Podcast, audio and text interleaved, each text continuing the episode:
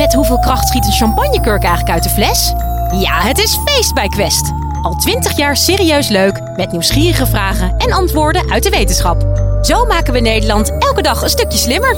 Nu in de winkel en op quest.nl. we leven in een complexe wereld waarin we dagelijks tegen allerlei problemen aanlopen. Een oplossing vinden voor zo'n probleem is vaak lastig en pakt meestal niet voor iedereen even goed uit. Het is vaak een kwestie van wikken en wegen om tot de allerbeste beslissing te komen. onderwijsfilosoof Teun Dekker van de Universiteit Maastricht vertelt je in deze podcast waarom het zo belangrijk is om een weloverwogen keuze te maken en hoe je dat het beste kunt doen. Live vanuit Club Air is dit de Universiteit van Nederland. Leven is problemen oplossen. Van kleine problemen in ons dagelijks leven, wat eten we vandaag, tot hele grote problemen waar we met z'n allen voor staan. Zoals hoe we omgaan met het veranderende klimaat. Hoe goed we die problemen oplossen bepaalt de kwaliteit van ons eigen bestaan en van de samenleving als geheel. En daarom is het heel belangrijk om jonge mensen te leren op een goede manier met al die problemen om te gaan. Ik ben onderwijsfilosoof. Ik denk na hoe het onderwijs, en vooral het hoger onderwijs, studenten zo goed mogelijk kan voorbereiden op een toekomst waarin ze allerlei problemen zullen moeten oplossen. En daarvoor is het heel belangrijk om te weten hoe je dat dan doet.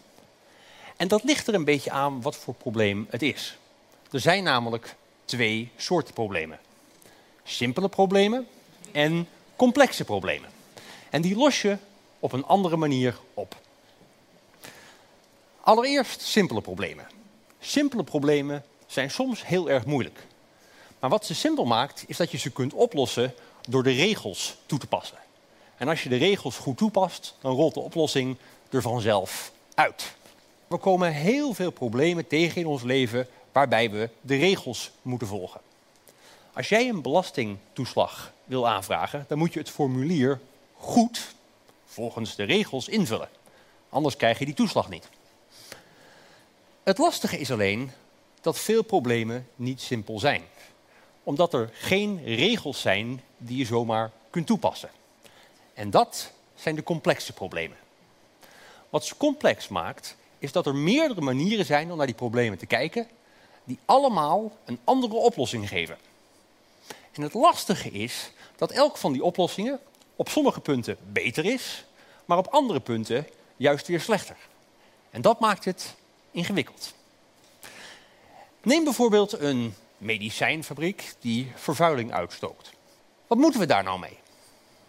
Als je een jurist vraagt, zal die misschien zeggen: Nou ja, er zijn in de wet uitstootnormen vastgelegd. Blijft de fabriek daaronder, dan mag die open blijven. Simpel. Een econoom zal denken, nou weet je wat, we laten de fabriek open, maar we heffen belasting op de vervuiling. En die belasting gebruiken we om de bewoners in de buurt een schadevergoeding te geven. Dat is efficiënt. Simpel. Een ecoloog zal zeggen, nou, die vervuiling is heel slecht voor de planten en de dieren in de omgeving. En die zijn belangrijk voor het ecosysteem, dus sluiten die fabriek. Simpel. Drie manieren om naar het probleem te kijken drie verschillende oplossingen. En elke oplossing heeft voor- en nadelen. Want ja, als we de fabriek sluiten, dan zijn de werknemers werkeloos. En de patiënten die afhankelijk zijn van medicijn, die hebben ook een probleem. De bewoners daarentegen, die zijn hartstikke blij. Als we nou belasting hebben, dan is de eigenaar misschien ontevreden, want die moet opeens belasting betalen. En de patiënten die moeten misschien wel meer gaan betalen voor hun medicijnen. En dat drijft de zorgpremie voor iedereen op.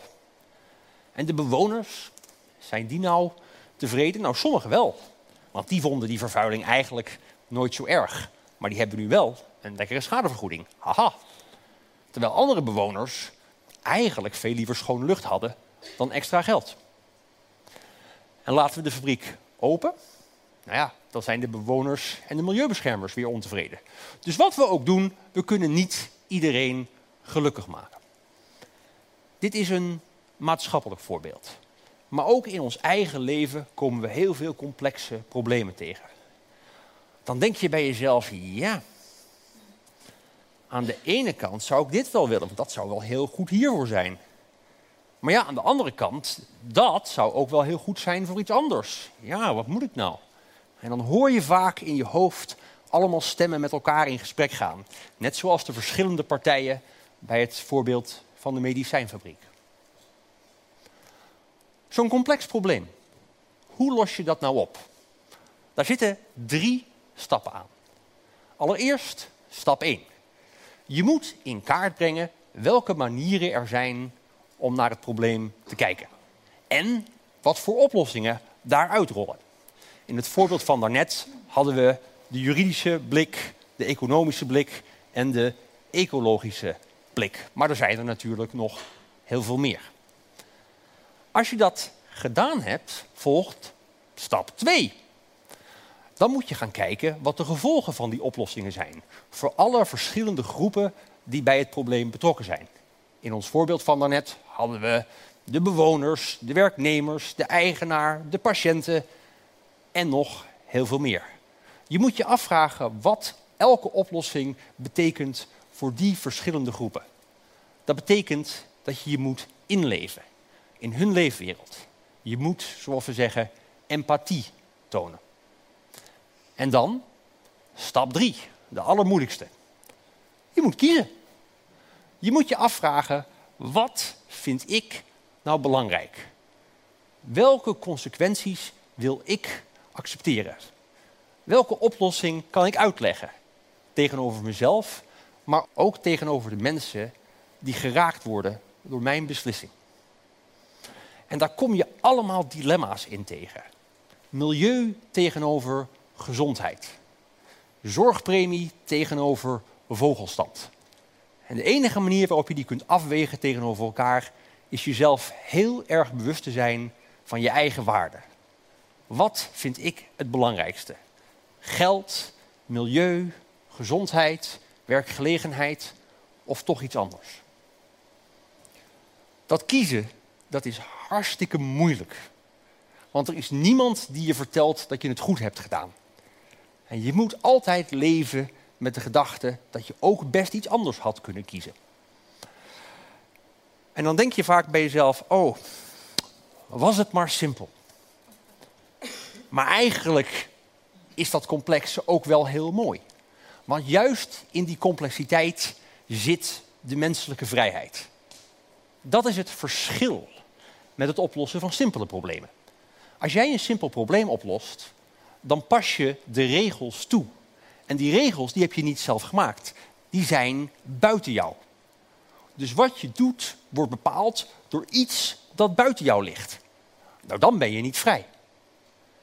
Maar als je een complex probleem oplost, dan kies je zelf op basis van je eigen waarde. En dat is toch de essentie van vrijheid. In je eigen leven, maar ook voor de samenleving als geheel. Want in een democratie mag iedereen een eigen mening geven over de maatschappelijke problemen die ons allemaal aangaan. En al die meningen, al die verschillende perspectieven, die worden afgewogen en opgeteld via een publiek debat, via verkiezingen, tot één beslissing die van ons allemaal is.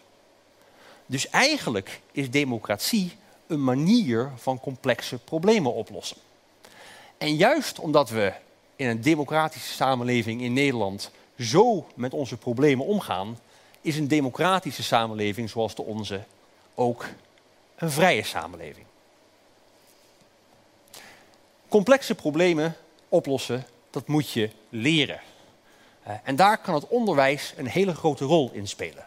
Maar dan moet het wel het goede onderwijs zijn. Onderwijs dat erop gericht is om je te leren om te gaan met complexe problemen. En dat kan op allerlei manieren. Ten eerste moet het onderwijs studenten niet meer opleiden in één discipline.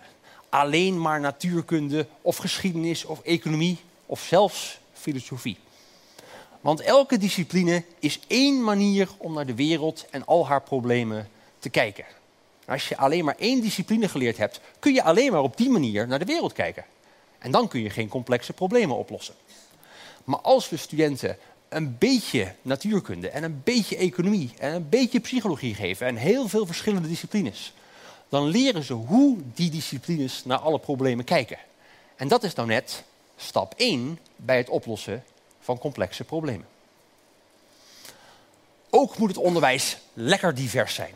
Met verschillende studenten uit andere culturen en met andere sociale en economische achtergronden. Want juist door te studeren met mensen die anders zijn dan jij, kun je empathie leren. Kun je begrijpen wat verschillende beslissingen betekenen voor mensen die anders zijn dan jij. En dat was stap 2 bij het oplossen van complexe problemen. Maar het belangrijkste is dat we studenten voortdurend uitdagen om te reflecteren op hun eigen waarden. Voortdurend vragen wat ze nou zelf belangrijk vinden. Want dat is stap 3 bij het oplossen van complexe problemen. En dat kan bijvoorbeeld door studenten al in een heel vroeg stadium te laten werken met complexe problemen. En ze, ze zich af te laten vragen wat hun oplossing is. Welke oplossing voor hun de goede is. Dat is misschien een andere vorm van studeren dan een hoop mensen gewend zijn. Dat is niet met z'n zeshonderden in de collegezaal luisteren naar de hoogleraar met het strikje, die even uitlegt hoe de regels werken en dat dan toepassen in een multiple choice examen. Uh, dat werkt misschien als je een simpel probleem wil leren oplossen, maar ja, simpele problemen oplossen in de toekomst heb je niks meer aan. Dat wordt steeds meer gedaan door computers. Computers zijn namelijk ontzettend goed in het oplossen van simpele problemen.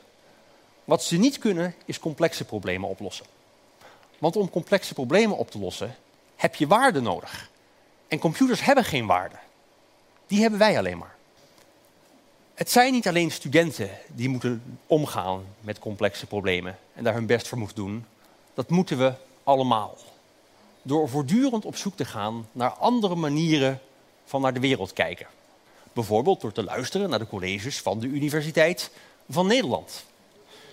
En ook is het heel belangrijk dat we ons blijven verdiepen in de leefwereld van anderen. Al was het maar door af en toe een praatje te maken met mensen die anders zijn dan wij zelf.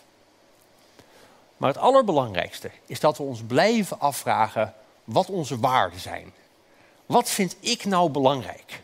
En waarom vind ik dat? Want alleen zo kun je het grootste probleem van allemaal oplossen. Wat is een goed leven? Hoe wil ik mijn tijd op deze aardbodem doorbrengen? Een heleboel mensen beschouwen dat als een simpel probleem. Ze doen gewoon wat de maatschappij van ze verwacht. Want onze cultuur heeft heel veel regels over wat een goed leven is. Groot huis, veel likes op Instagram, werken bij de Verenigde Naties, dan zit je goed. Maar ja, dat werkt zo niet. Je kunt geen goed leven leiden door te leven volgens iemand anders zijn idee van wat een goed leven is. Je kunt alleen maar een goed leven leiden door te leven op basis van je eigen waarden. En natuurlijk moet je daarbij kijken naar alle ideeën die daarover zijn. En natuurlijk moet je met andere mensen het gesprek aangaan over wat voor hun belangrijk is. Maar uiteindelijk moet je zelf de keuze maken. Trouw ik met Valentina of met Rianne? Blijf ik vlees eten of word ik vegetariër? Ga ik in mijn carrière voor het grote geld of probeer ik de wereld te redden? Allemaal problemen. Met verschillende manieren om er naar te kijken en verschillende oplossingen. En allemaal met hun eigen voor- en nadelen. En ook allemaal met de verplichting, maar ook de vrijheid om keuzes te maken.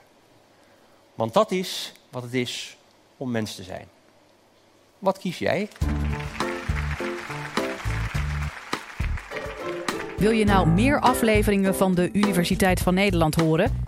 Check de hele playlist en ontdek het antwoord op vele andere vragen.